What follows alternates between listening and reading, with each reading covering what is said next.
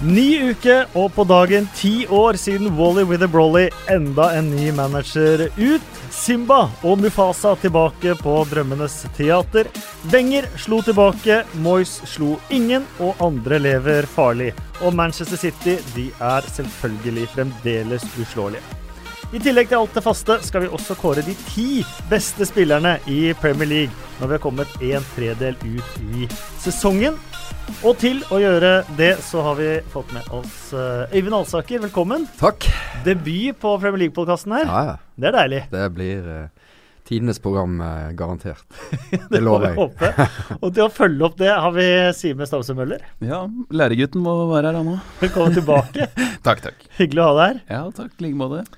Du var i London på lørdag, Eivind. Mm. Nord-London-derby. Uh, folk som hadde satt opp sin combined Arsenal-Tottenham-elver. De hadde bare satt opp elleve Tottenham-spillere. ja. Så enkel er ikke fotballen. Nei, og øh, øh, Altså, den kampen handler kun om Spurs. Det handler kun om Pochettinos fantastiske prosjekt. Det handler kun om hvor fantastisk manager Pochettino er. Uh, det handler kun om hvor uh, god Eriksen er. Uh, hvor dårlig Øsel er. Uh, at Sanchez ikke har lyst til å spille i Arsenal, at Wenger er gått ut på dato. Uh, så da er det jo 90 minutter kilevink, altså, til uh, Ja ja, jeg skal på ingen måte frikjenne meg sjøl her. Sant? Du blir jo sugd inn i den i den atmosfæren sjøl når du er på plass. Det er det jo ingen tvil om. Men igjen, altså, litt déjà vu til FA Cup-finalen mm. mot Chelsea. Altså, det der Altså, Wenger kan iblant uh, skru sammen et lag uh, og få gutter der uh, til å, å, å, stå fram og løpe som juling og slå hvem som helst. Det var det et nytt bevis på. Og så lenge de kan det, så overlever jo han. Altså da, Nå er det et par uker ro, og så taper de gjerne mot West Bromwich på en dødball, og så begynner de igjen. Sant? Det er klart det der ligger der, men enorm forestilling av Gunners. Punktum. Hadde du sett for deg det? Jeg vil si Det eneste halmstrået jeg ga dem før denne kampen, var nettopp det at det virker som at, eh, at de eh, De bare våkner. De har en tendens til å, til å, til å, Når de er avskrevet Når man forventer mye av Arsenal, så er det veldig ofte at mm. de, de, de, de er sånn motsatt lag. Forventninger til mm. Arsenals kamper blir veldig ofte gærne. Eh, men jeg syns det var kjempeimponerende. Og eh, når man ser på det i etterkant òg, så blir man jo litt flau eh, med tanke på sine egne forventninger. Man ser, jeg syns egentlig spesielt eh, den fremste treeren til de to lagene, for der er det jo sånn kvalitetsmessig dønn jevnt. Eh, og derfor så, derfor så er man jo ikke man, man, burde kanskje ikke være så overraska som man er, da, i hvert fall. Men, uh, men Tottenham jeg har sagt det, jeg syns Tottenham spiller veldig ofte den, den samme kampen. De spiller igjen og igjen og igjen, og derfor så har de ikke ev hatt evnen til å heve seg så veldig i toppkampene. Nå trodde jeg at den, de Real Madrid-opplevelsene skulle gi dem mer til denne kampen enn det det tydeligvis gjorde. Så er det da ett poeng som skiller Wenger ute på dato og verdens beste manager Maurizio Pochettino. Mm. Jeg koste meg over én artikkel i England, og det var Wenger når han fikk lov å snakke om sitt første trofé og hva som var viktig når du skal vinne ditt første trofé det var jo en liten uh, i sida på Pochettino da, som ikke har vunnet. Altså Det er klart det ligger et eller annet der, da. Han har jo vært med på masse. Han har På en eller annen måte så klarer han å bevare en slags lojalitet i den gruppa. Det er jo det som er litt sånn bemerkelsesverdig, og som jeg tror ingen av oss helt forstår. Og det vi ikke forstår, det blir vi gjerne litt aggressive uh, i møte med. sant? Mm.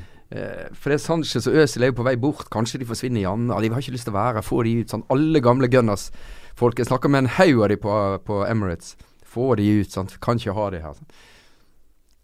De matchene de leverte der, det er umulig etterpå å si at de ikke brenner for saken og brenner for sjefen. Så kan du si kanskje Wenger har gitt Øzil for mye tillit i for lange perioder, det har vært dårlig. og liksom han har stått ved de her gutta og får på en måte betalt da, gjennom at de Nei, faen, nå må vi ta et tak for sjefen her, og så går de ut og gjør det. Det er noe viktig der. Eh, store managere opp igjennom har hatt uh, en, om ikke tendens, så i hvert fall ve veldig ofte så har det skjedd det at store personligheter i spillergruppa har krasja med. Uh, si, si de, de, groveste eksemplene, hvis du har Ferguson, da, som er én, og så har man Guardiola, Mourinho, hvis vi bare tar de tre, da.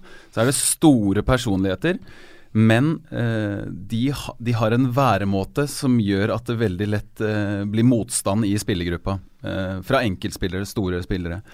Men Wenger har jo ikke hatt det. Eh, selv når eh, disse største stjernene har vært på vei ut, så har, fortsatt, så det fortsatt vært et godt forhold.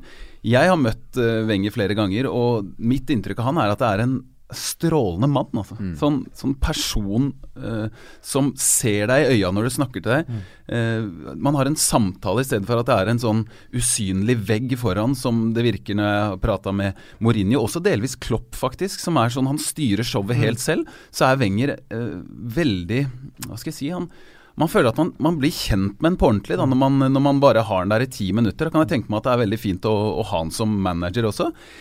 Nå tror jeg at spillerne eh, liker han, men de tror ikke på prosjektet hans. De liker han veldig godt. Det er godt mulig å få mye ut av enkeltkamper, men på lang sikt eh, så, så, sliter jeg med å se at eh, Arsenal skal få utretta noe særlig mer med Wenger som manager. Mye pga. kontraktsituasjonen til nøkkelspillere, men også pga. det mønsteret vi har sett de siste åra.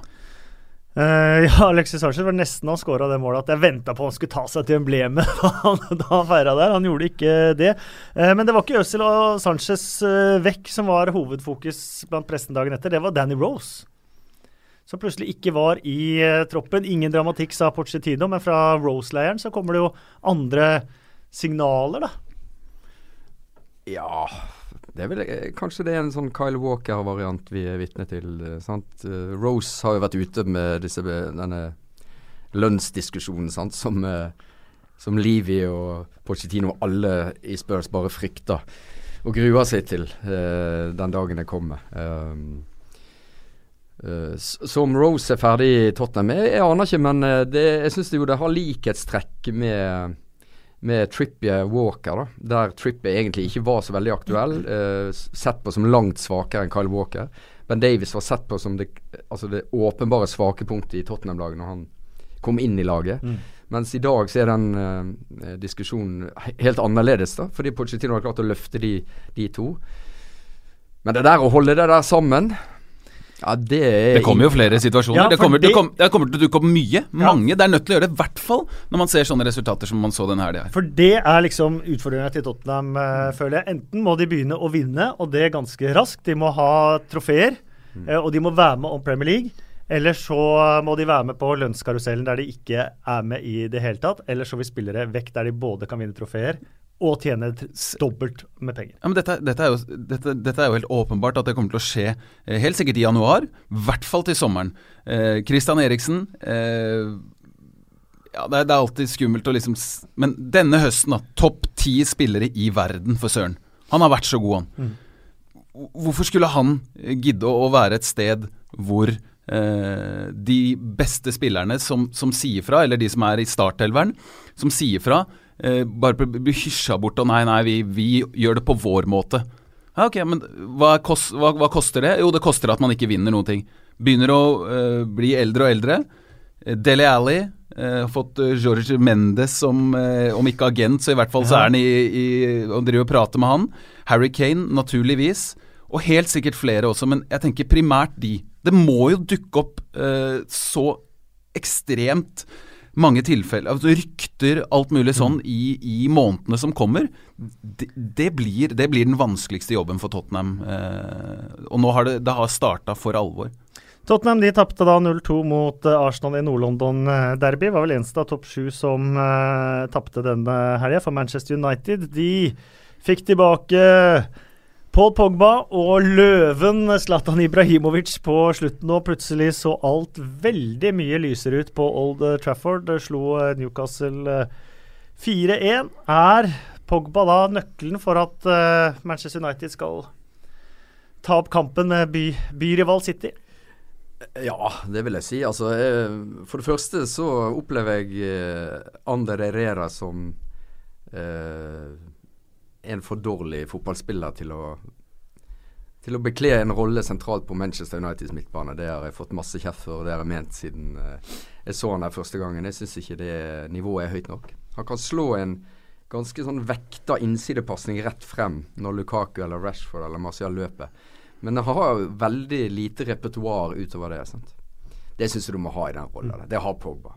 Han kan kippe gjennom, han kan kline de 70 meter. Han har mye mer. Så har han presence, da, både han og Zlatan. Som jo er en diffus størrelse, men som er en utrolig viktig størrelse. Altså. Det må jeg bare si på en fotballbane. Altså. De, de gutta der som går ut og Altså Det å tape er liksom ikke aktuelt, på en måte. Da. Altså De som har den auraen, de tror jeg har stor betydning i et lag. Og Manchester United har vært litt sånn prygelknabe etter Ferguson-æraen. Så har de De har vært bullied.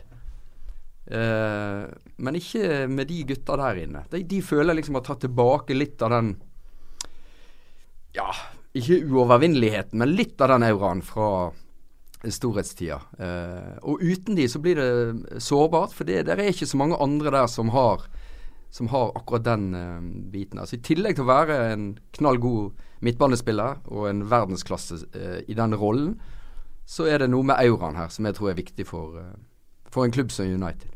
Lukaku på skåringslista igjen, viktig? Ja, definitivt. nå har han hatt en nedadgående kurve. Men jeg, jeg plukker opp trådene. Nå, nå, har vi jo ikke fått sett Pogba i dette Mourinho 2-0-utgaven for Manchester United. Eh, jeg er utrolig spent på hvordan han kommer til å se ut i de virkelig store kampene, som kommer selv om ja, altså Den kan bli så avgjørende, det, den kampen mot Manchester City. Nesten litt irriterende avgjørende til å være så tidlig i sesongen. Men også vi må jo snakke om altså, at det kan dukke opp kamper i Champions League som kan bli veldig viktige for, for sesongen til Manchester United. Uh, jeg syns ikke vi kan svare på uh, helt på spørsmålet om Pogba er nøkkelen før man ser at han er enda bedre i de store kampene enn det han var uh, forrige sesong. Nå med Matic bak seg, og, og, slippe å ta det ansvaret som har blitt en litt sånn fotlenke for han, føler jeg, den første sesongen. Så jeg, jeg håper jo å, å, få se ham på sitt beste i de store kampene, men det er en bit opp dit fra, det, fra å, å herje mot Newcastle hjemme. Ja, Det er 10. desember er eh, datoen, eh, Øyvind. Du har eh, kryssa kalenderen og bestilt fly. hotell i Manchester. Det følte jeg var ganske smart å, å bli ferdig med tidlig. Ja. ja, for dette er det største Manchester-derby på mange år. Ja, altså det er jo ikke Det er jo ikke lenger enn Ja ja, det begynner å bli noen mm. år, det òg, faktisk. 30. april 2012. Mm. Den var jo enda større, fordi det var liksom 30. april. Da, da skjønner alle at det begynner å nærme seg eh, avgjørelsen. Og når det fremdeles lever så seint i sesongen, og City måtte vinne den, så, så, er nok det liksom enda mer avgjørende. Så kan du si hvis City skulle vinne denne, da, og det er åtte poeng når de går inn i den, så er det litt, over, da. Mm. Så på den måten er det jo en, eh, en sesongdefinerende match, eh, helt soleklart. Men United får nøkkelspillere tilbake, City mister. Eh, Stones nå med langvarig skade sant, har vært eh, ja, outstanding. Og nøkkelig nøkkel måten man spiller på, har Stones vært. Ja. Eh, beste pasningsspilleren mm. av de bak, men òg, syns jeg, når jeg har sett City eh, denne sesongen, trygg, solid, mm. fantastisk mann mot mann ja, altså um, Blitt den spilleren som uh, mange trodde han skulle bli. Mange var skeptiske, men jeg uh, syns Guardiolas Stones-prosjekt synes jeg på en måte har hatt en veldig sånn mm. fin kurve. Otamendi har sett skikkelig ut ved siden av han. Plutselig har liksom det er, det er, jo noe av det største trenergjerningen ja. ja, ja, men da, At Otamendi ser ut som en bra fotballspiller, ja, faktisk. Men da, men da slutta det snakket om alle stopperne de har kjøpt som makker til Company, som ikke har slått til. Mm. Sånn du får lagt litt lokk på de der uh, veldig sånn usunne diskusjonene som, som går, da. Um, så der har du et sånt uh, kanskje uh, momentum, tapt momentum. for det er noe med det der å vinne hver helg, og så Si at de går på en smell før det derby. Da er det kanskje fem eller seks poeng. Borte mot Huddersfield neste. Ja, så ja. går du inn i det derbyet, og så taper du den og tenker ja, Vi har jo storspilt i høst, og vi har liksom feid alle av banen, og Så er det tre poeng ned til mm. United. Altså det er det er ett scenario, i hvert fall, mm. som jeg ser for meg, som kan uh, Men da må jo Mourinho òg go for it på, på Etia, da. Den òg er jo uh, interessant. ja, men det er jo det, det, Sånn sett, ja, interessant, sier du det. Det, det at Mourinho klarer å styre matchen inn i sitt bilde, på en måte. Det er liksom Er det hele nøkkelen? Ja, Nå snakker vi jo langt uh, fram i tid, og uh, jeg, jeg Det er lov å begynne å prate ja, om det. Ja, jeg er enig i det, men nå må jeg prøve å bare uh, skifte hodet mitt litt. For jeg var, uh, men ja, det er jo selvsagt det. og Uh, man ser jo det i de fleste kamper at hvis uh, altså, Med Mourinho sine lag, da, at det, det, starter med uh, i de storkampene Det starter med godt forsvarsspill. De kan ikke, starte, de kan ikke gå ut på og tro at de, skal, at de skal spille Chelsea, Manchester City, disse lagene av banen. For sånn, så, sånn gjør man ikke under Mourinho. Så det starter, med, det starter med å få kampbildet man ønsker. Også er man, spør du meg, for avhengig av at de små marginene skal gå eh, hans lag sitt vei da, for at eh, alt skal lykkes. Det er litt for, litt for stor eh, feilmargin. Men med Simba, eh, Simba Ibrahimovic og Mufasa Pogba, så er det meste, meste mulig. Og hvis noen lurer på løvereferansen, så er det jo Zlatan i intervjuet etter match at løver helbreder på en helt annen måte enn mennesker. Og det gjør dem ikke, visstnok. Jeg har hørt at det er Nei, det skal visst være enda verre for løver. ja. enda verre for løver hvis det hvis Men jeg syns uh, Zlatans comeback er en uh, Altså, det er en Altså, har Zlatan regi på sitt eget liv, eller har han uh, rådgiver? Og, det, er så, det er så genialt. Det er ingen som mm. veit hva som har foregått i det kneet. Sant? Nå er det liksom Ja, da, folk tror det bare var bakre korsbånd, liksom, men det er mer. sant? Mye som gikk i stykker der. Vi får ikke vite. Kommer ikke en kjedelig lege ut og melde om uh, menisk eller Og det er, det er, helt fra starten. Altså, ja, helt fra starten til uh, um, Kontrasten er jo når han uh, svensken går av banen på San Siro, og man får vite det underveis i kampen. Ja. At det korsbåndet har røket. Mm. og får vite det underveis i kampen. Ofte får man jo det. Ja, det er korsbånd, det er korsbånd. Vi sa jo det om Zlatan nå. Men siden så har, er det jo ingen som har kunnet sagt at korsbåndet hans er røket, med autoritet. Og så kommer de bildene av Zlatan som plutselig står og spiller fotball. sant? Driver og dra, drar opp eh, dyna og sånn, men har på, har på seg fotballsko, det tror jeg er nesten et halvt år siden. altså, det, ja, det er en, en forbløffende regi på det comebacket, syns jeg. Og Nesten at han krona det med en fantastisk skåring. Ja, sant. Og den kommer jo. Ja. Den kommer jo. Chelsea, de, eh, det toget har starta igjen etter en litt sånn start-stopp. De slo West Bromwich 4-0. Eh, Vi kan begynne så vidt med, med Chelsea. Alvaro Morata. Tolv målpoeng på elleve første kamper. Åtte skåringer, fire målgivende. Uh, Diego Costa ut. Det var jo det man snakka nesten mest om i, mm. i sommer. Uh, ja, og det, det Conte sa før eh, sesongen, eller ja, i sommer, da, at han ville unngå den Mourinho-sesongen. Det var jo for så vidt stygt sagt, men greit nok. Um, det Mourinho alltid har sagt, er at uh, for å følge opp suksess, så må man uh, forandre ting. Ting må forandres. Selv om det er tøffe valg som skal tas, så må de tas. Må, man kan ikke følge på med det samme hele tiden. Og det har jo vært tilfellet i Chelsea. Det så man jo bare på, på Mourinho. Gikk med omtrent samme lag, og det funka ikke. Eh, ganske tøffe valg, altså. Å ta ut Diego Costa, som apropos presence, Øyvind. Der, det er jo den spilleren i mm. ligaen ved siden av Zlatan som, som, er mest synlig når han er på banen og går foran og kriger og fighter. Gjøre det byttet er ganske modig. I tillegg det med Matic. Nå var det ikke Conte som bestemte at Matic skulle gå til Manchester United, men det var Conte som ønsket Bakayoko inn på sikt eh, så skulle han ta over for eh, Matic. Jeg syns begge de to, eh, begge de to trekkene har funka kjempebra. Så er det andre steder hvor, eh, hvor Chelsea har hatt eh, problemer. Eden Hazar spilte med en flamme i magen. Ble svært upopulær på The Hawthords. Lå først skadd lenge, kom seg på beina, skåra 1-0. hadde stygg takling, fikk gult kort, men nå ser jo Eden Hazar også ut som, som den spilleren som som kan være med i jakten på, på, på Manchester City? Ja. Uh, altså Vendepunktet her var jo den uh, United-kampen. sant? Det var jo uh, Matic tilbake på Stamford Bridge. sant? var det Neville som sa at en, han som solgte Matic, burde fått sparken? Altså Det var en veldig Det var en audition, da. Bakayoko versus Matic der. Det som selvfølgelig var Nøkkelen var jo at Kanté var tilbake. Helt sånn at du liksom får Da blir Fabregas og Bakayoko noe helt annet. Det var de i den matchen. De var outstanding. Uh, men Hazar var jo selvfølgelig også det, og det er han alltid når Chelsea spiller bra. Og det Han har også presence på en litt annen måte. Altså, mm. han er òg den som tar tak i fotballkamper og styrer showet, altså. Og, og når uh, Mourinho har lagt så mye vekt på å stoppe han før, så var jeg overraska over Uh, hvor lett han fikk uh, Hvor lett spillerom han fikk i den, i den matchen. Men Conte er en, en strålende trener. Re, eh, referanse Italia.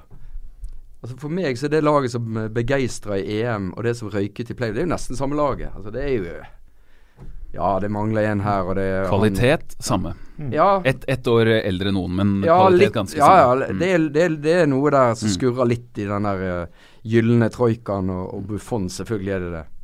Men ellers er det Det er Mm. same, altså. Og de var ikke i nærheten. Du så det på Friends, du så at liksom her er det ikke skarpe i det hele tatt. Så Conte har jo eh, åpenbart eh, kunnskap på fotball som, eh, som få andre. Eh, og må, og, han, det var kniven på strupen i den United-matchen. Jeg ble spurt på Twitter her, eller var det noen som ville høre om sesongens øyeblikk. Og for meg, for å slutte der du begynte med Alvaro Morata, det, der, det er mitt øyeblikk. Mm. Den headingen er så vakker. Og han spilte en så vanvittig fotballkamp eh, den dagen. Og Lukaku hadde ikke én touch i 16-meteren til eh, Chelsea. Så der eh, Der snudde det litt, tror jeg. Og der viste igjen Konta komme tilbake fra sånn når alle bare begynner å bråke om at Avramovic har vært på treningsfeltet og Og det var jo Ja. eh, dager etter at, eh, at de tapte så stygt mot Roma. Og jeg, jeg kan vel si at jeg, jeg har nesten aldri sett et lag se så energiløst ut i en såpass stor kamp som det er borte mot Roma i Champions League, som det Chelsea var den dagen. Tapte 3-0, var det? Samme som de tapte mot Arsenal forrige sesong. Forskjellen er at den, den kom litt seinere, og City er litt for langt unna nå.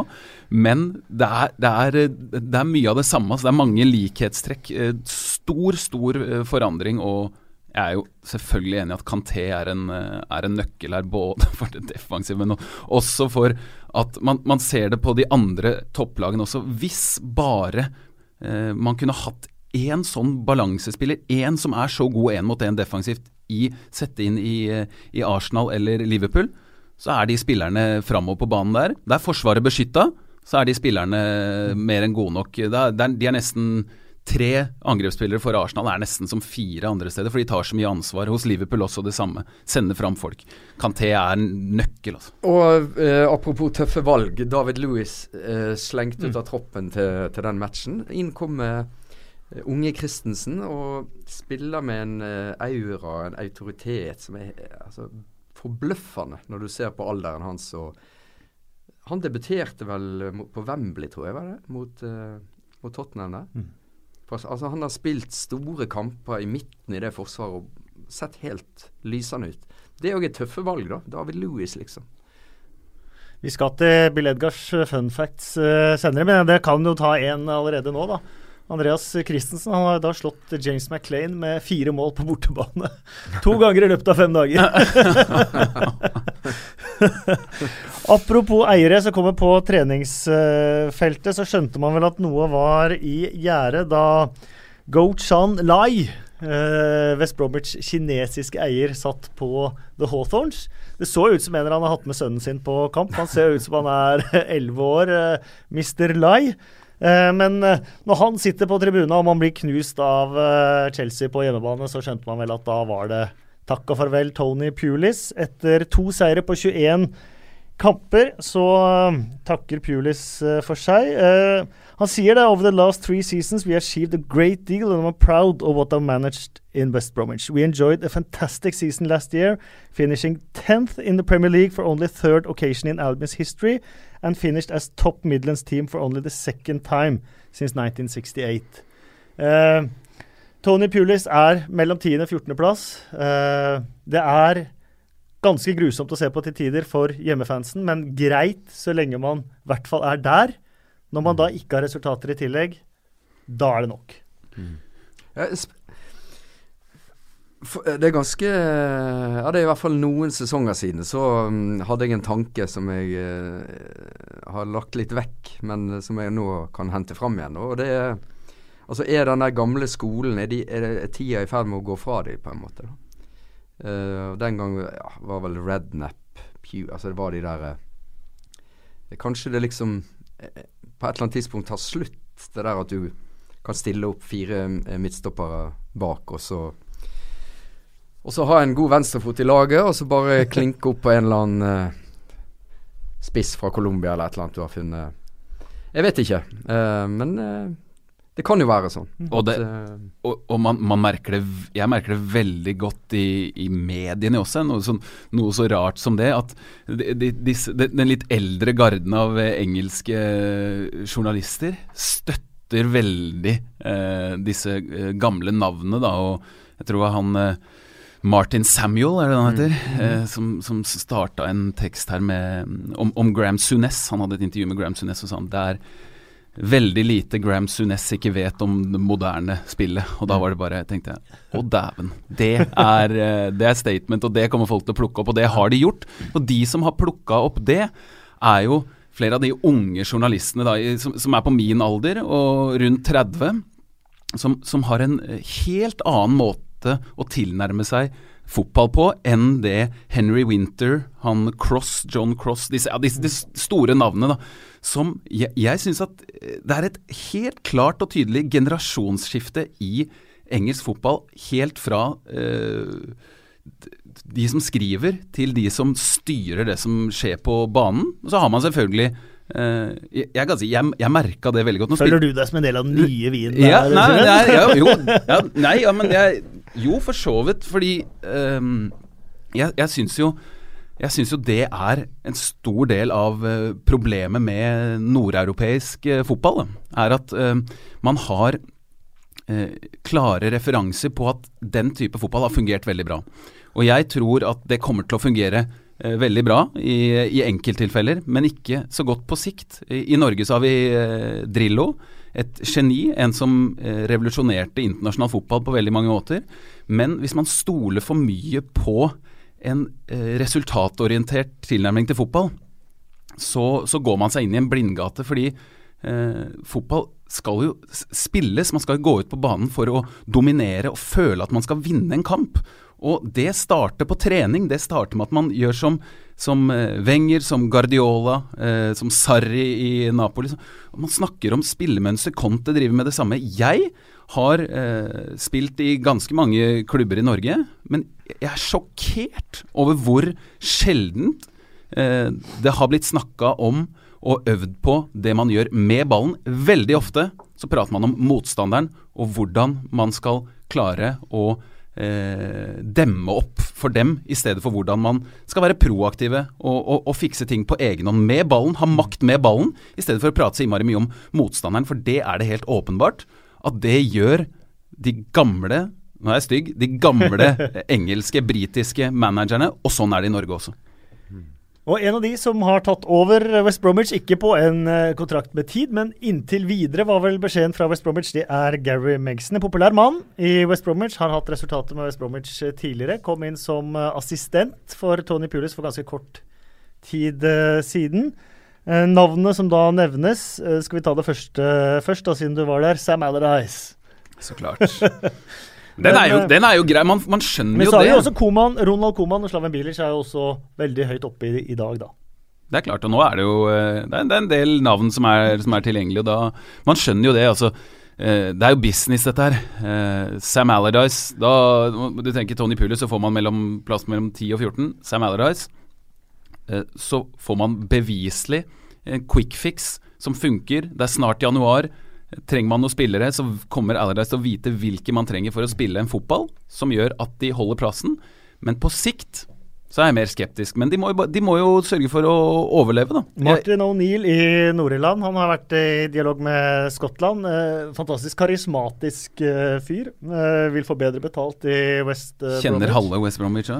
Så sitter det en som heter Chris Coleman, som kanskje nå angrer litt på at han tok den der Sunderland-jobben. For, det- for han ville vært veldig aktuell for West Bromwich Han sa vel det er, et tilbud han ikke kunne si nei til òg. Det er mye timing ute og går. Ja. Nei, jeg vet ikke jeg eh, hva som er prioritet, men er det liksom nå må vi overleve for enhver pris, så er jo Allardyce uh, safer bet enn de fleste av de, av de andre der. Og det må jo jeg si, så nå har vi snakka stygt om uh, de, den generasjonen engelske managere, men måten Allardyce uh, redder lag på er jo ganske fascinerende, altså. Det må jeg si. Kommer de sier sånn OK, vi spiller sånn, 4-2-3-1. Du spiller der, du spiller der. Taper de 2-0 i første kamp, samme.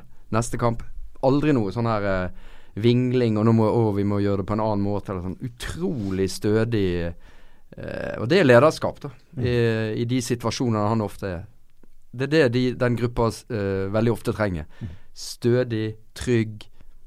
Og han, Dette- han smitter sånn. Ja. Måten han er på smitter sånn, det gir spillerne eh, veldig stor tillit til han. Jeg syns det er eh, gode eksempler med han og David Moyes i Sunderland. Eh, Allardyce med måten han er på Altså Planen er ganske lik, men måten Allardyce er på, eh, i tillegg til evnen til å hente riktige spillere og bare bytte ut folk. Du er ikke god nok. Inn med han. Her henter vi tre nye. Det er det vi trenger. Kirchhoff og Conné og en eller annen til. Pah, Det funker fint. Moyes kommer inn. Eh, har ikke den samme måten å være på. Ikke den samme selvtilliten. Ikke eh, fersk eh, Hva skal jeg si eh, fersk suksess. Det har jo Allardyce nesten hele tiden, og han har jo alltid eh, suksess. Altså, de gjorde jo til og med ålreit eh, i de kampene, eller var det én kamp han hadde for England, så var det liksom Ja, det, det, det Vant 1-0 mot Slovakia. ja, det stemmer. Det, det funker, da. Det, så det, det, mens Moyes henter Everton B og, og rykker ned, og det gjør meg veldig bekymra på Westhams uh, vegne. For det eneste problemet til Westham er at de hadde prøvd Allardyce fra, fra før av. Så de kunne ikke, eller de følte kanskje ikke at de kunne hente han tilbake. Der var det noen Vi- broer som var brent. Vi kommer tilbake til eh, Westham og de andre lagene som vi skal prate om også. Vi skal prate litt om eh, Liverpool, eh, selvfølgelig. Manchester City har ikke vært innom, og eh, Evertons eh, managerjakt eh, også. Men nå kommer vel det folk som hører på, har gleda seg eh, litt til. Kanskje dere også. Vi har spilt en tredjedel av sesongen nesten i Premier League. Og vi skal eh, se om vi klarer å kåre fra ti til én de de spillerne som har vært best til nå, den første tredelen. Og det har vært mange gode kandidater. Uh, føler vi sitter med en god del navn på hver våre lister her nå, så gjelder det bare egentlig å bli, eh, bli enige. Noen er selvsagte, andre er ikke så, så selvsagte. Uh, Men tenker du å begynne fra vi tiendeplass? tenker å begynne fra tiendeplass. Vi må ta de som, uh, de som bobler først, uten de være de liksom mest åpenbare kandidatene. Så jeg har lyst til å putte inn en som jeg har lyst til å ha på lista mi. Mm. Nick Pope. Oi, oi, oi. oi, oi. Det er ti mann, altså, Jeg vet det. Det er ti Men mann. eh, det er altså et uh, lag som er eh, A-poeng eh, med Arsenal og Liverpool. Poenget bak Tottenham. Eh, og som antageligvis har fått flest Ikke antageligvis, som har fått flest skudd på seg i hele Premier League, tror jeg. Og Pope, som da kom inn uh, Står det noe der om hvor mange av de som er langskudd? Det er Nei, jo en det er blokk foran her, ham. De, de, de, forsvarer seg jo for fun, uh, de ti foran. Eh, sånn sett, men han har hatt noen fantastiske redninger underveis. Han har hatt poengredningere, uh, bl.a. på Anfield. Og han var jo da eh, backupen til engelsk landslagskeeper Tom Heaton da sesongen starta, og var kommet inn og tatt den med autoritet. Så Det er bare et navn jeg kaster ut, som jeg hadde hatt lyst til å ha hatt på en av de nederste plassene på tirsdag. Dere ta et lite wildcard hver selv også. Jeg har, jeg har, jeg har øh, begge Manchester-keeperne vil jeg ha foran øh, Nick Ja. Pope. Altså, ba- basert på involveringer øh, holdt på å si med, med ballen i, i føttene, men også redninger. Både Ederson og, og spesielt David De Gea. Han er given på min liste, i hvert fall. øh, De Gea. Shea-given. Jeg, eh, jeg vil også ha en Manchester-keeper, men jeg vil ha Ederson. Um, og det er rett og slett litt eh, eh, Altså, det er det estetiske grunner til òg, da. Mm. Altså det, for meg så har uh, keeperspill uh, utvikla seg til å bli uh, estetisk nytelse. Og det, der mener jeg han er den uh, suverent fremste representanten. Og se han klinke i sånne volleypasninger 70 meter der. Altså det fyller meg med glede. Altså. I tillegg så har jo han vært det, alt det Bravo ikke var. Mm. Bunnsolid, stopper skudd, uh, alt går ikke inn Stopper skudd. Ja, og- nøkkel, nøkkel der. Men veldig måten han ø, beveger seg på også, for han, han, han, øh, han, uh, han har en veldig rar måte å gå på og bevege seg på, mens Claudio Bravo ser jo Han er litt sånn stram i korsryggen og ser jo ut som han har full kontroll, men hadde ikke det hele tatt. Ederson er litt mer sånn lut og beveger seg nesten som en apekatt, og så, og så, er han så, så har han så god kontroll. Da. Det Ja, jeg er han litt er- fascinerende. Han er litt sånn matter of factly, da, uh, som jeg liker. Som jeg syns Courtois er på sitt beste òg. og så fikk han en støvel i trynet og et stygt arr og var bang i gang igjen med, Mm. e, med en gang. Hadde vel en liten beskyttelse der på noen treninger, i hvert fall. Men, nei, jeg, Jeg fikk sånn MMA-vibber. ligaen- Jeg så den eh, tatoveringa. Ja, ja, ja. det Men husk De. Geas eh, inntog i Premier League, f.eks. Mm. Ja, det var noe helt annet. Det var noe helt annet. Bromwich Altså, her snakker vi dag én, ny Ja. liga, og spilt i en, eh, i en, eh, på et helt annet nivå, egentlig. Da, Mm. fått mye mindre juling og alt det der.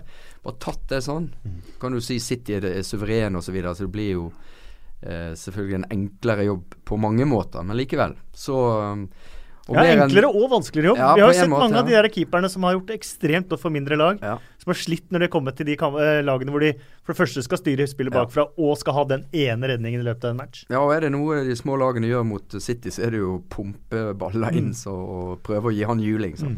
Men det jeg tror ikke de snakker så mye om på spillermøtene før uh, møtet med City lenger. For det virker ikke å være en svakhet i det hele tatt. Vi får ikke to keepere inn på topp ti-lista. Nei, vi gjør ikke det, så vi blir enige om én. Oh la la. Ja.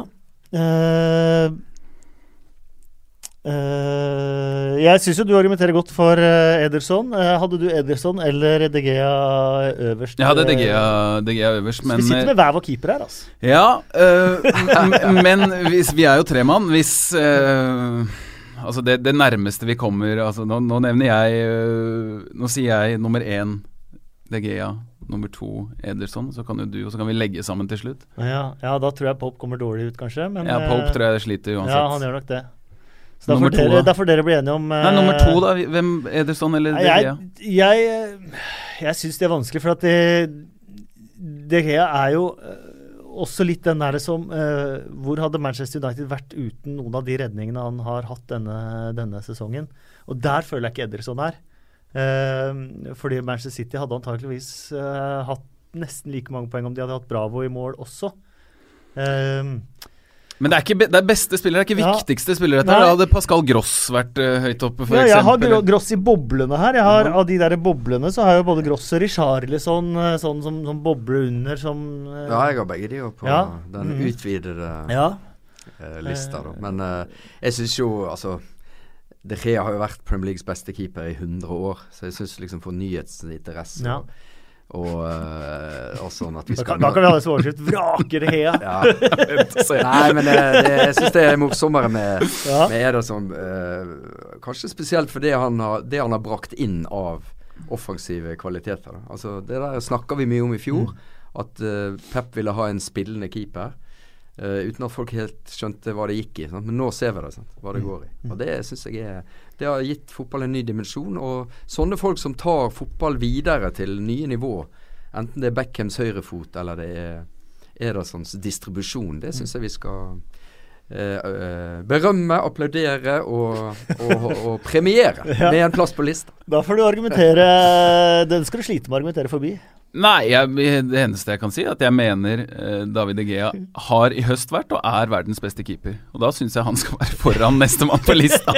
Men eh, jeg, jeg, skal, jeg har ikke, noen, ikke noen ting å utsette egentlig på det Ederson har gjort, men De Gea har måttet, fordi laget hans har vært eh, dårligere enn Manchester City. Eh, redde flere baller på enda mer imponerende vis. Da lar vi den ligge bitte litt, uh, føler jeg. Så, uh, Starta dårlig. ja, men hvis du kommer med et par av de som kanskje ikke er de åpenbare topp tre, topp fem uh, nå, Simen, eh, Ja. som du mener må være på lista, som du har, én eller to Da sier jeg eh, Aspilicueta og Fernandinho. Eh, og det er jo ikke spillere De som må være på topp ti. På min topp Mm, ti så tenker ja. jeg de, de er sånn syv-åtte rundt der et sted. Eh, fordi jeg mener at de er så eh, jevne, så gode i hver eneste kamp. Og eh, det, deres innsats gjør at de vi har lenger fram på lista, eh, kan bli så bra som den blir. da. Eh, uten, Coeta, uten typer som Aspilicueta og Fernandinho så hadde ikke Chelsea og Manchester City vært like gode som det de er. Altså, jeg syns spesielt Fernandinho, som, eh, som man virkelig ser verdien i, i nå. Altså, han, er, eh, han er et sånt usynlig lim i det Manchester City-laget. Så god i alle faser av spillet han trenger å være god i. Og så har han i tillegg dratt inn et par langskudd, liksom, selv om de ikke har hatt så mye å si. Da. Er de eh, to inne på din topp ti? Ja, de er i hvert fall i uh, I bo boblekategorien? Ja, de er liksom i, i uh, Ja, de er fine å hente inn nå, egentlig. For de er ikke topp tre. Nei. Men de er, de er jo eh, solide kandidater. Og spørsmålet her blir jo hvor mange City-spillere skal du egentlig gi plass til? Mm. Eh, der tenker jeg vi får en utfordring. Ja. Eh, for jeg har da i, i det der eh, sjiktet under topp tre, hvis vi skal ta det, da, så har jeg f.eks. Alder, Vereld, Morata og Aguero. Mm. Morata syns jeg også Han er med på min liste. Mhm. Han må inn. Mhm. Han har vært den beste Alder, spissen. Jeg syns Fertongen vel så mye. Altså. Jeg, jeg syns Fertongen Ja. har vært innmari god. Så god forrige sesong. Sanchez. Alexis Davinson Sanchez Nei, Davinson Sanchez, ja. ja. Der kan du plukke ganske Ikke veldig Ja. god nå. Vært uh, Han var uflaks. Ja da. eh, det var aldri Ja. frispark. Nei, nei, eh, men han var ikke ja. Men jeg, jeg, Det var et uh, høl Det der. er kjipt eh, når du får til den beste taklinga du har hatt i hele matchen, og så blir du avblåst, og så får du offside-mål mot. Den er, uh, den er blytung. mm. Nei, men han har vært god, da. Men Ja. jeg ser jo den at etter 0-2 på Emirates og, og Alderweireld mangler der, da, så Ja, men topp Ja, kanskje.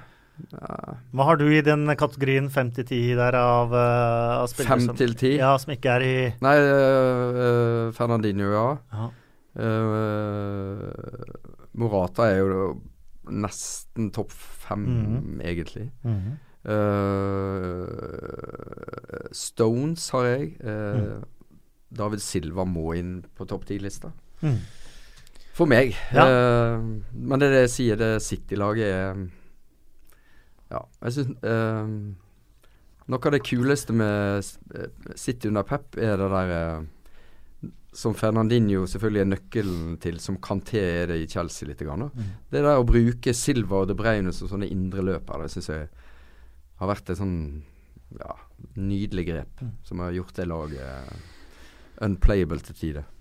Det, vi- ja, jeg tror kanskje vi må endre litt uh, taktikk her. Eh, Det var derfor jeg sier hvis du ja, hadde begynt på toppen, vi så hadde det vært på- Vi begynner på toppen. Da har vi tatt eh, en god del uh, boble, boblespillere. Så vi får Ja. se om vi får plass på topp ti. Skal vi tippe at vi er, er vi enige på førsteplass? Det tror jeg, uten at vi har snakka så mye om det. Eh, hva har du der, Eivind? Åh. Det er Sale eller De Bruyne for meg. Mm. Jeg har De Bruyne først, Sala Ja. nummer to. Ja, jeg har uh, De Bruyne også, på første. Ja, ja, det- Den er grei. Da, da får han jo den. Ja. Sala nummer to. Ja, da begynner å ja, Ja. ja, han har jo altså fra, fra først også Ja, nei, det er ikke noe Det er, det er helt greit. Han er nummer to. Da har vi uh, nummer én og to. Nummer tre eh, Jeg har Sané. Mm, ja. Sané er jeg absolutt med på. på Øyvind tenker hardt her borte nå. Ja, nei, kanskje. Du blir litt farga av det som uh, skjedde forrige runde osv. Han gjør det. Uh, og jeg, Sané hadde jo en den veldig type navn er jo Bør jo ikke være langt unna den. Nei. Um, mm, Jeg har både Altså, eh, jeg har, jeg har ikke jeg Stirling kunne altså det, er, det er de der eh, offensive midtbanespillerne til Eller den der ja. gjengen framme hos Manchester City. Silva eh, og eh, Stirling er bak eh, Sané, faktisk. eh, sånn, sånn jeg ser sesongen eh, under ett eh, hittil, i, i ligaen. Og Mhm. Nei, jeg, jeg syns eh, det, det virker som at, og vi har snakka litt om det tidligere i denne poden han, han har tatt voldsomme steg, og eh, jeg er fortsatt veldig nysgjerrig på om det her er en eh, formtopp, litt overprestasjon, at eh, ting går veldig hans vei, eller om dette er et, et steg på veien. Fordi da lurer jeg på hvor lang den veien er. Altså, for da begynner jeg å tenke spillere som skal på sikt ta over eh, i den absolutte verdenstoppen, når eh, de to beste i verden gir seg og, og, og den slags. Eh, Hvor, hvor ender Leroy Sané, da, hvis dette her er en, en, en, bit på veien? Jeg er helt enig, og, um, og um, Det er jo et lite sånn tankeeksperiment, da. Uh, Sané og Martial. Um, det er egentlig ganske like uh, uh, Hva skal du si um, Råvarer, da. Uh, der jeg syns Ja, jeg er litt, litt overraska, litt skuffa over at Martial ikke har liksom fått til mer i Manchester United. Uh, og det er sikkert både hans feil og, og managerens feil. Men jeg syns Guardiolas liksom, introduksjon av Sané Han var ganske sånn spak og spinkel og sped i mm. fjor. Mm. Men så kom han på den tida her, husker jeg. Begynte han å komme, liksom. Begynte å se Virker som veldig sånn tydelig uh, han har fått vite hvordan uh, mm. han skal gjøre det under Pep, liksom. Det virker helt åpenbart. Og så er laget blitt mye mer sånn drilla i mm. fotballen, og hans rolle uh, blir større. Og han har jo selvfølgelig noe som Martial ikke har, som, er sånn ufattelig sånn grasiøs balanse Ja, et eller annet der, da. Men fart er da litt av det samme. Jeg trodde Martial skulle bli en jeg så han for Frankrike tidlig i United-karrieren. Var, var liksom herja med motstanderne. Skjønner, skjønner, liksom ikke at han er en sånn sub-band. Han er jo en gåte, eh, Martial. Men da, da, da tenker jeg eh, Her har du eh, to store managere som har en veldig forskjellig inngang, tilnærming til fotball. Mm. Eh, Guardiola eh, har håndplukka Sané sagt dette her, i, i, i, tillegg så har han jo tatt uh, Gabriel Jesus og John Stone. Dette er gutta mine, de skal jeg gjøre så gode som mulig.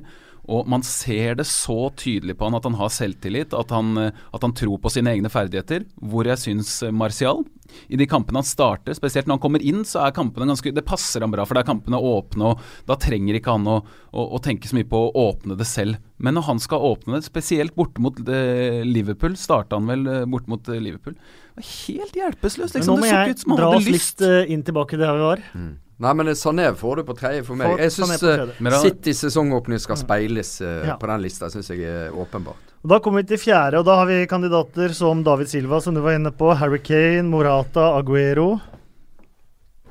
Mm. Mer uh, Christian Eriksen. Christian Eriksen. Mm. Men har Christian Eriksen vært så enorm for Tottenham?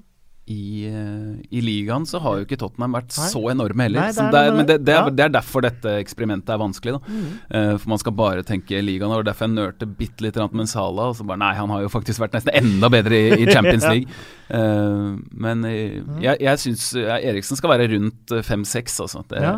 Hvem vil vi ha på fjerde da? Da har vi ja. Kane, Morata, Aguero Morata. Morata på fjerde. Er du enig i det, Øyvind? Hva er det han har? Åtte mål, fire sist, var det? Mm, på elleve kamper. Ikke så verst, det. det... Aguero har åtte mål på sju kamper. ja. Et annet, kli, kli, annet klima for han. ja, men det sier man jo alltid. Det er derfor han aldri blir verken årets spiller, verken nominert ja, ja. eller kommer på årets lag eller noen ting. Aguero har alltid dårlige sesonger, samme om han skårer 73 mål. Nei, ja. Vært svak i år. ja, men eh, jeg, jeg syns jo, hvis jeg skal tale Moratas sak, så syns jeg eh, ja, i, så han mot Manchester United igjen, den kampen. Hvordan han fungerer som oppspillspunkt. Hvor, eh, hvordan han blander eh, fysikk og teknikk, og i tillegg gjennombruddskraft. Så godt bevegelsesmønster. Dette, dette, dette, jeg sammenligner han ikke med, med Aguero nødvendigvis, men bare for å si jeg, jeg syns han har eh, vært, eh, hatt komplette kamper, altså. Vært sånn helt akkurat sånn. Mye, det har vi sagt om Diego Costa før også. Akkurat sånn skal man være. Men han har vært storkamp hvor han har vært i lomma på, bak, eh, på stopper også. Og så måtte han ut mot, mot Arsenal, f.eks. Ja, han var dårlig der. Og så måtte han ut mot uh, Manchester City. Så det er jo også selvfølgelig en uh, en kamp hvor man ikke får målt han. Mm. Så ok, det er, det er, vanskelig, men jeg sier uh, Ja, Det ødela mye for, for, Chelsea òg, den kampen der. da mm. At han måtte ut. Uh, men jeg heier litt på sånn Ja, uh, ja ny i ligaen, mm. de tingene der. da Skoa du skal fylle, sånne mm. ting syns jeg må veie inn litt her, da. Ja. Jeg har Morata gjerne på fjerde, jeg. Ja. ja. Da har vi topp fire. da begynner vi å komme på femmeren. Er det nå vi skal begynne å lansere nye navn, eller? Ja, ikke helt ennå. Jeg føler jo at Kane og Aguero i hvert fall må med ganske snart. Mm. Noe som er vanskelig Matic er jo òg en uh, ja. spiller Matic er jo en liten uh, luring der, ja. Mm. mm. Ja, det, ja, det, er jeg helt enig i. Noe og, som er vanskelig Og Lukaku har jo han skåra mye mål i starten, vært borte lenge, men skåra igjen nå. Så. Ja, men han, for meg så er, når ikke han opp Nei. fordi han eh, Han løper inn mål når motstanderen har gitt opp. Og, Ja. altså Det er litt for mye av det, da. Mm. Uh, så han må vise i liksom i en big match. Altså Morata er matchvinner mot United Mm. på en, med en praktfull goal. Krona en praktfull match. Mm. Liksom Det jeg forlanger av de Mm. beste spissene i Premier League. Altså Ikke at du klarer å løpe inn to mål mot uh, Swansea eller Nei. whatever. Og så har du de casene som Mané, uh, Kanté, uh, Azar, Mm. som, som, som ikke har Litt på grunn, av, på grunn av skader, Ja, selvfølgelig. Mané Ik- har vel seks kamper i år eller noe sånt. ja, ikke sant? Ja. Topp, toppnivået. Pogba Hvis, man hadde fått, fem. ja, hvis, man, hvis de gutta hadde fått spille hele tiden, Ja. så hadde Så de hadde jo vært på. Ja, Men ja. hvem skulle, vi- hvem skulle satt Ja. ut? Det er vanskelig.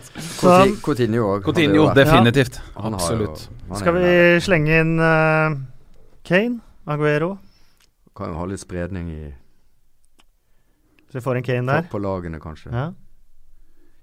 Ok, okay, da har du topp fem. Da er topp fem. Ja, få høre, da. Må De Bruyne på første. Salah på andre, Sané på tredje, Morata på fjerde, Kane på femte. Ja, syns jeg er fint. Mhm. Matic nå, da. På sjette Skal vi si det sånn? få inn en defensiv trygghet i, i tida. ja, men det blir grei balanse òg, da. Har ikke han Ja, de eh, er nummer to på tabellen og Ja. Bør jo ha en vært spiller. så viktig mm. for at Manchester United har sett, eh, sett bedre ut, da. I Ja. hvert fall i starten enn de gjorde forrige Men sesong. da begynner jeg snart uh, å sette inn eh, programleder uh, Din doble stemme Min doble stemme på Aguero her, altså. Ja, få han inn. Ja. Og foran Silva. Ja, ja, ja. Mm. Å, dæven foran Silva. Og Stirling er ikke med i jeg, syns, helt siden han kom til ligaen at Aguero alltid har for, blitt forbigått. Og det er liksom litt alltid de samme argumentene Mm. også. Samme som forrige sesong, det har jeg sagt her i podkasten før. Hadde elendig sesong, karantene i sju kamper, bla, bla, endte på 33 mål. Mm. Ja, ja, det er jo Det er, eh, Han er jo forbigått, det er jo helt åpenbart. det. Og så har jo det eh, Jesus Det der at de har bytta litt Mm. på spillet osv. Ja, ja. Det, det, med en gang så blir du liksom revet litt ned av mm, ja, statusen din. da mm. Det er litt sånn naturlig, da. Men uh, hvis Aguero og Silva skal inn her, da, da er Aguero er nå satt inn på sjuende. Ja, og Kane var nummer Nei, Kane er ikke Jo, Jo. Kane er på femte, ja. mm. Mm. Kane og Aguero. Der er det, det, det er veldig jevnt, altså. Men okay. Men nå hadde vi alle disse her som dere var inne på i stad, da. Mm. Uh, Aldevarell var dere inne på. Hva var det du som var inne på? Eh, Kanté var dere inne på. Uh, Fernandinho var du inne på. Uh, Ederson. Uh, det begynner å bli trangt om de tre siste plassene her nå.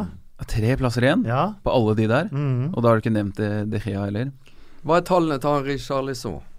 Ja, Richarlison er jo en, uh, er jo en Dårlig hjemme.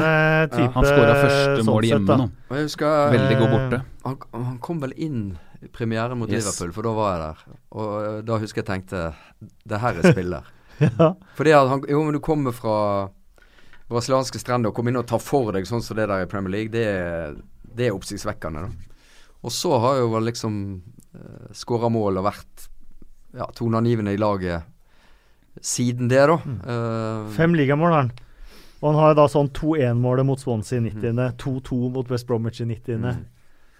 Ja. Eh, Det er sånne mål òg. Og så skaff, skaffa straffe Ja. som burde ha gitt uh, Ja. poeng mot Mm. Everton. Ja. Impact. Mm, Fikk ikke lov til å ta den. Viktig ingrediens. definitivt. Så er det Eriksen, nevnte vi vel ikke nå. Nevnte vi i stad. Ja. la. Jeg skjønner at Nick Pope blir uh, Bra forsøk. da. Det var godt forsøk. Ja, ja, ja. De, eh, hvis vi skal gi heder for topp seks-lagene for å være topp seks, Mm. og ikke Burnley for å være A-poeng med topp seks på sjuendeplass Men Det er rart, det òg. Nå har du jo en idé til neste episode. Det er jo topp ti positive overraskelser av, Ja. spillere. For der må jo Mm. han være høyt oppe. Jeg tenkte vi skulle ta bånd ti spillere i Premier League. Lykke til. det blir hyggelig.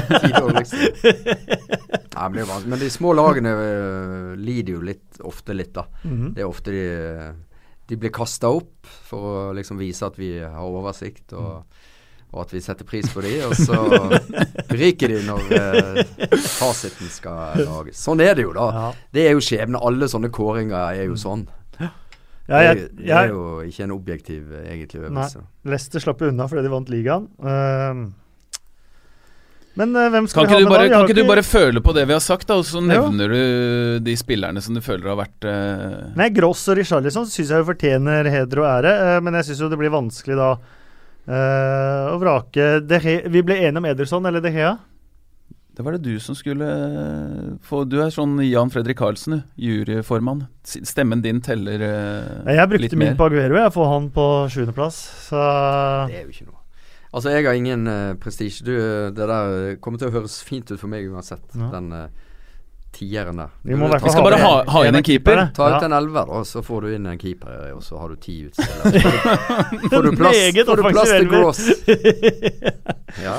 Uh, nei, men da syns jeg Jeg syns vi burde ha med i denne topp tieren uh, Aspilicueta, syns jeg. Takk! Det var det jeg skulle si! Deilig! Da er han med. Mm. Skal Fernandinho med, eller er han rett utafor? Dere var veldig enige om, uh, om Fernandinho. Så da kan vi kanskje sette inn han også. Og sistemann Og blir da blir det Ederson eller De Hea. Så er det, det, det er uten Eriksen uten Nei, dette blir mange bra, men Det det er mange bra ute, men sånn er, jo, sånn er det med kåringer. Man må være nådeløs. Mm. ja, du må det. Ja. Det vi egentlig må skjelle til, er jo liksom store kamper.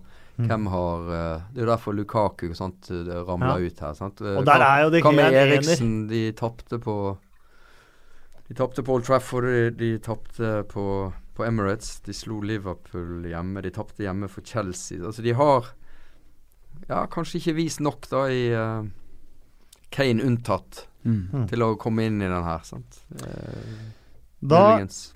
Eh, tar jeg en avgjørelse. Da har vi lagd en uh, topp ti-liste.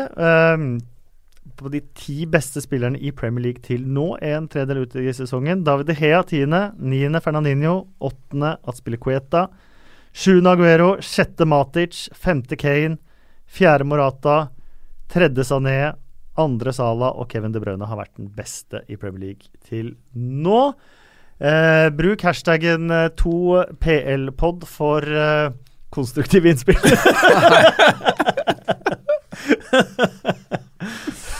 Men det er jo en flott overgang til eh, Liverpool, da, som eh, aldri slår Southampton, men som plutselig eh, gjorde det. Og igjen Mohammed eh, Salah. eh, det lå sånn, litt sånn og vaka før sesongen han kunne bli veldig god for Liverpool, men han har jo vært en sensasjon. Mm. Ja, altså um, uh, Først så vi jo at han kunne løpe fort, og at han kunne uh, At han holdt på å ramle når han skulle bruke høyrefoten når han endelig kom fram. da Det, var- det var nesten litt komisk, da, men uh, det var litt sånn I starten så han kanskje ut som en spiller som er litt enkel å stoppe når de gode lagene kommer, da. Så syns jeg liksom han begynte å demonstrere eh, ferdigheter som jeg ikke var så eh, obs på, da. Da tenker jeg på sånn eh, ja, feilvendt, som man jo ofte blir da, i en del av de kampene her. Når, eh, når motstanderen tar mye hensyn og, og bakrommet er lite, så er han jo outstanding, altså. Med en sånn såleteknikk, sånn, nær, sånn kvikk teknikk, som er sånn en veldig sånn krevende, da. I tillegg skal du ha fysikken til å stå imot, sant? for du, du, blir, du får juling mens du holder på her.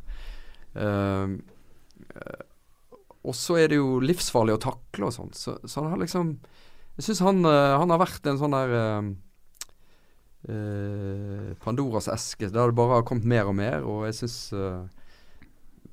han er liksom hele forskjellen i en trøblete Liverpool-høst på det som nå ser decent ut, og det som kunne vært skikkelig blytungt på Anfield.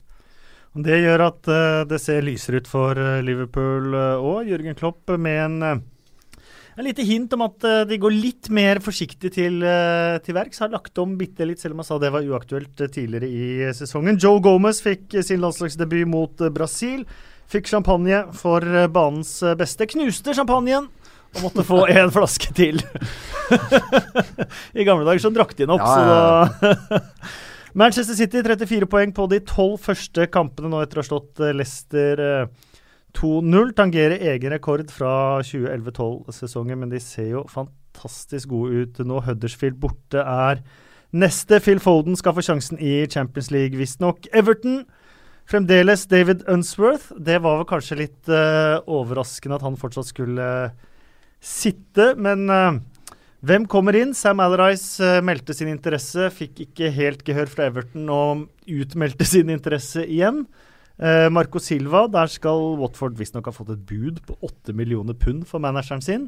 Eh, Louis van Gaal, der falt plutselig oddsen eh, for at han skulle bli neste mann inn. Og da begynner Øyvind å smile litt ekstra. Han har jo stått for noen av de eh, største øyeblikkene i Premier League-historien. jo, men det, altså det der eh, Når han skulle demonstrere eh, hvor lett han falt, og Ja. det der bare En mann, svær mann, bare går på ryggen sånn med den der eh, dokumentmappa i hånda. Fikk du noen gang intervjua han etter kamp? der? Nei, nei, ikke jeg heller. nei, nei Null. gikk jo forbi alt og alle. Det var én gang, en julekamp rett før jul. Da fikk nederlandsk TV to spørsmål med Louis van Gaal. Og da var pressesjefen der. Eh, inne i det rommet vi sto og venta. Hun var inne tre ganger før han kom inn, bare for å presisere at eneste grunn til å snakke med nederlandsk TV nå, var fordi det var jul. Mm. Han var grei, det var jul. Og så gikk hun ut igjen, og så kom hun inn igjen. Og så hun presiserte tre ganger. Ja. Han kommer inn nå, men det er kun fordi det er jul. Ja, og det er kun nederlandsk TV. Eh, Ja, jeg husker han avfeide nederlandsk-TV mange ganger. Ja, ja. Eh, og på en måte som er jo ufattelig sånn arrogant og, Mm. og uh, uspiselig, egentlig. Eh, men eh, eh, nei, Everton er jo sånn fra Moyes liksom solide lag via Martine som på en måte ja, Så lenge Moyes fotball fremdeles hang litt igjen i veggene der, så gikk det an. Og så forsvant liksom det der solide. Og så eh, var det lapskaus, og så kom Koman inn. Og så ser du det der én spiss bort. Hvor mange ganger har vi sett det? Én verdensklasse, eller i hvert fall en spiller på, på, det, på det nivået der ut. Så kan du pøse på med så mange tiere du vil. Og du vinner ikke en eneste fotballkamp, altså. Det er brutal lærdom. Så spørsmålet er jo veien videre for, for Everton. nå, For der burde det jo være eh, optimisme, og det er det ikke nå. og Det er jo trist, altså. David Moyes inn eh, hos uh, Westham. Det endte med tap. Hadde jo noen vanvittige sjanser. Hvis man ser på bare høydepunktene fra matchen, skulle man tro at Westham spilte en fantastisk kamp, men det gjorde de ikke. Men de kom til noen enorme sjanser som de ikke scora på.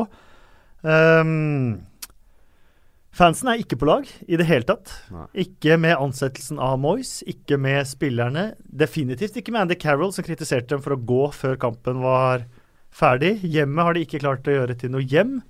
Um, den oppgaven som er der, virker veldig, veldig vanskelig. Hvorfor, de har ingenting å være, være fornøyd med. Uh, all uh, mulig elendig retorikk fra toppen av eh, til eh, en veldig sånn eh, hva skal jeg si En, en fanskare med stor integritet, tror jeg vi kan si om, om Westham. For der, der skal det være på en spesiell måte. Og, og der syns jeg det er en klubb som som egentlig alltid har vært en, en, en bauta, en representant for den engelske fotballkulturen på en bra måte. Altså eh, supporterne som får med spillerne. eh, Alltid én eller flere favoritter i spillergruppa som viser klart og tydelig at de setter pris på fansen. En manager, Bilic, ble jo så lenge han ble fordi han var så innmari populær, men det viser seg jo etter hvert at han ikke var den fagmannen som de håpa at, eh, at han var.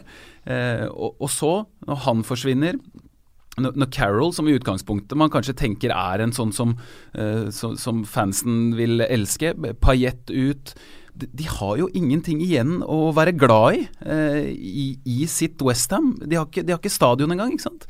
Og, når de da får inn en uh, mann som David Moyes, eh, som definitivt ikke, i hvert fall ikke de siste Han har aldri vist at han er en quick fix-løsning. Og i tillegg sier det han sier at ja, det går, hvis det går, så går det. Hvis ikke, så har jeg fått syv måneder på East End. Ja, men så bra, da! Det, det er det siste de trenger å høre. ikke sant? Og så kommer eh, Stuart Pearce og hva heter han? Billy McKinley og Irvine og få, ja. få inn alle mulige som har feila litt rann før.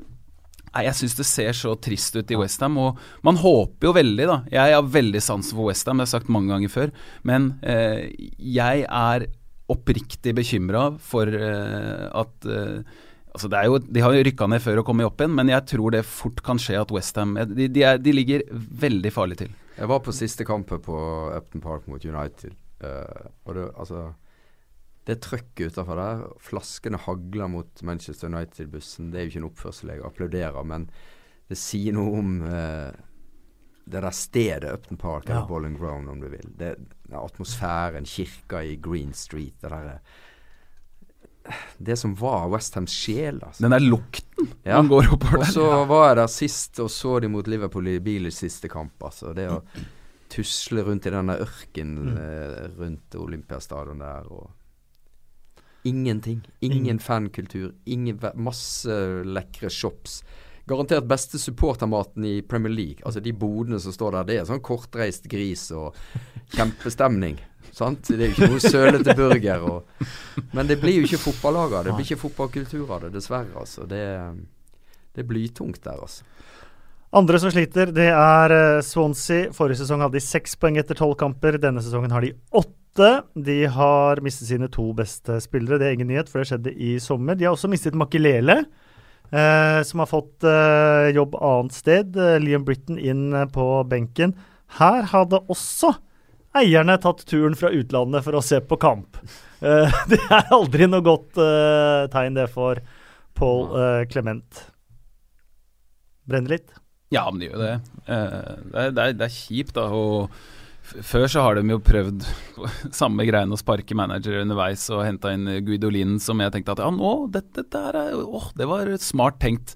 Så viste det seg at det var jo bare Han fikk jo akkurat uh, Unnskyld, like mye tid og tålmodighet som, som, som det de andre får. Så det er gode sjanser for at det kommer en nyhet når som helst der også. Det er, eh, det er dagens moderne, moderne fotball. Det var moro å se på. Morata var kjempegod. Hva i all verden? Er. Han snakka ikke om seg sjæl, han snakka om dommeren. Faste spalter. Vi skal dele ut uh, blomsterbukett, ukjent eh, helt, kaktus og rundens øyeblikk. Jeg har mine alternativer. Eh, hvis dere er uenige og har noen andre dere har lyst til å gi blomster eller kaktuser til, så rop ut. Men jeg har lyst til å gi blomsterbuketten min til Callum Wilson.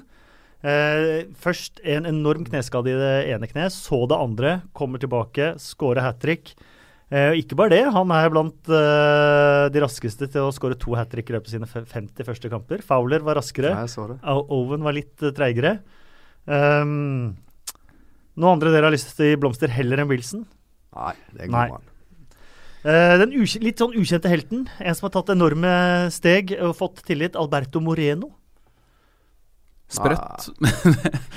Ah. Det, men det jeg, det er, altså, jeg har avskrevet han, eh, og det skal man aldri eh, gjøre, men det gjør man jo i, i den bransjen her. Sant? Eh, og så får man rett av og til, og så tar man feil av og til. Og det er, nest, altså, det er uunngåelig. Det er liksom ingen som har noe 100% record der. Eller han skal jeg gjerne likt å møte. Eller hun. Uh, og Moreno har selvfølgelig blitt uh, fast venstreback på Liverpool og sånn, men jeg eh, har fremdeles store reservasjoner mot han. Det, er, det har vært en slags krise på den posisjonen i så mange av topplagene. Så Det starter med, det, det kan ikke kalles for en krise. Nå Ben Davies kom inn og lappa veldig godt over for Danny Rose i den situasjonen der med, med skade og den, det han sa. Så er det Liverpool. Moreno. Han var liksom ja, Her trenger Liverpool en ny venstrebekk. Han var jo ute av laget og Milner og alt sånt. Manchester United trengte en ny venstrebekk. Ashley Young har vært strålende i, i mange kamper. Og Fabian, Fabian Delf. Delf. Så det, det, Skal det vi inn til Delf isteden, da? Ja, ja Delf Ja. fortjener det. Altså Jeg likte når City kjøpte han. Han har alltid likt. Ja. Eh, da kjøpte de en uh, ung, dynamisk uh, driv. Han var en av ja, I hvert fall en meget god midtbanespiller før han kom til City. Og så har jo skader liksom gjort at det har vært vanskelig å vurdere han. Eh, og så er han skadefri, og så spiller han i en ny posisjon, men det gjør du gjerne under Pep Guardiola. Det er en del av treningshverdagen der, og det tror ikke jeg er noe stress for han i det hele tatt. Og han er en, eh, fremdeles en veldig god fotballspiller, så all ære til han. Da får Delf ukjente helten. Kaktusen har jeg lyst til å gi til Lee Probert. Jeg har ikke savna han de åra han var borte fra Premier League. Nå er han tilbake. Charlie Daniels eh, var oransje, den taklingen han hadde på Hader Jonai. Ehm, endte med å spille videre. Corner til Bournemouth og 1-0 til uh, Bournemouth. Uh, det er rett og slett elendig dømming. Uh, noen andre som heller fortjener kaktus? Nei. Ingen protester. Nei. Ja, så jeg kan gi en kaktus til Dele Alli, syns jeg er for dårlig. Eh, Nord-London Derby. Da må du møte opp. Oh, nå antageligvis de fleste som hører dette her, hører kanskje etter Tottenham Dortmund, men der møter Del Alli altså dommeren fra Slovakia-kampen, England-Slovakia. Da han rakk finger og ble utestengt etterpå. Porcetino har kommet med sine formaninger om at Del Alli må klare å styre temperamentet sitt mot den franske dommeren. Uh, rundens øyeblikk. Zlatan Ibrahimovic en tre på Old Trafford. Simba tilbake. Fun facts fra Bill Edgar. Arsenals syv siste. Aldri skjedd. Første gang siden er den sjette spilleren. Fun factsene til Bill Edgar. Bill Edgar i eh, The Times har eh, sine artige varianter på mandager. Litt dårligere denne gangen enn han uh, pleier, men han kan jo ikke finne gull uh, hver gang. Uh, men han nevner at Joey Barton ble toppskårer for Manchester City i 06-07-sesongen med seks mål. Aguero, Jesus, Sterling og Sané har alle passert den totalen fra ti år, elleve år tilbake. Eh, de fire siste sesongene har skotske managere til sammen 98 poeng på 128 kamper i Premier League. Det gir et snitt på 29 poeng per sesong. Eh, det ligger ikke veldig godt til rette for David Moyes i Westham. Um, Andreas Christensen, den var vi inne på. Uh, men så kan vi nevne at uh, Tottenham spiller sin 4000. ligakamp mot Leicester om en uke. Notts County de har flest med 4912 ligakamper. Jeg bare lurer på om han Edgar nå, etter en sånn publikasjon, får de der eh, e-mail, e-postene med eh, Nei, det er 3999 kamp. 3999. kamp. Fordi Ja, Eller om han er, er han, han virker jo helt sånn der enerådig uh, uh, på stats. Altså det virker Ja. eh, helt sånn uangripelig og helt umulig statistikk. Men uh, jeg vet jeg, ikke. jeg, han uh, sier jo credit to Enfa Co UK ofte. Mm. Og de abonnerer jeg på. Det er jo English National Football Archive. Mm. Koster ikke mange kronene heller å abonnere på. Men de har jeg også sendt mail noen ganger når jeg har lurt på ting. Mm. Og de er veldig flinke til å gjøre researchen og svare også. Mm. Eh, som gjør at man kan få svar på ting man, eh, man lurer på av sånne historiske ting. Og de er veldig nøye. De er sånn Vi vet ikke akkurat når det målet kom. Eh, det var det tusende målet i ligaen, spurte jeg om, fordi at eh, det var togstreik i 1899. sånn at de måtte bruke hest og kjerre til, til bortekamp. Så de visste ikke helt når kickoff var på denne runden i 1899. Så det var ja, så de Ja, men det sier litt om den jobben. Ja. altså. Fantastisk. Ja, det er stort. Vi avslutter denne podkasten med fem kjappe spørsmål eh, til hver av dere. Ikke lov med betenkningstid. Klare svar. Um, kan begynne, Simen. Hvem vinner Manchester Derby? Manchester City. Eh, uavgjort. Hvem blir ny manager i West Bromwich? Evin?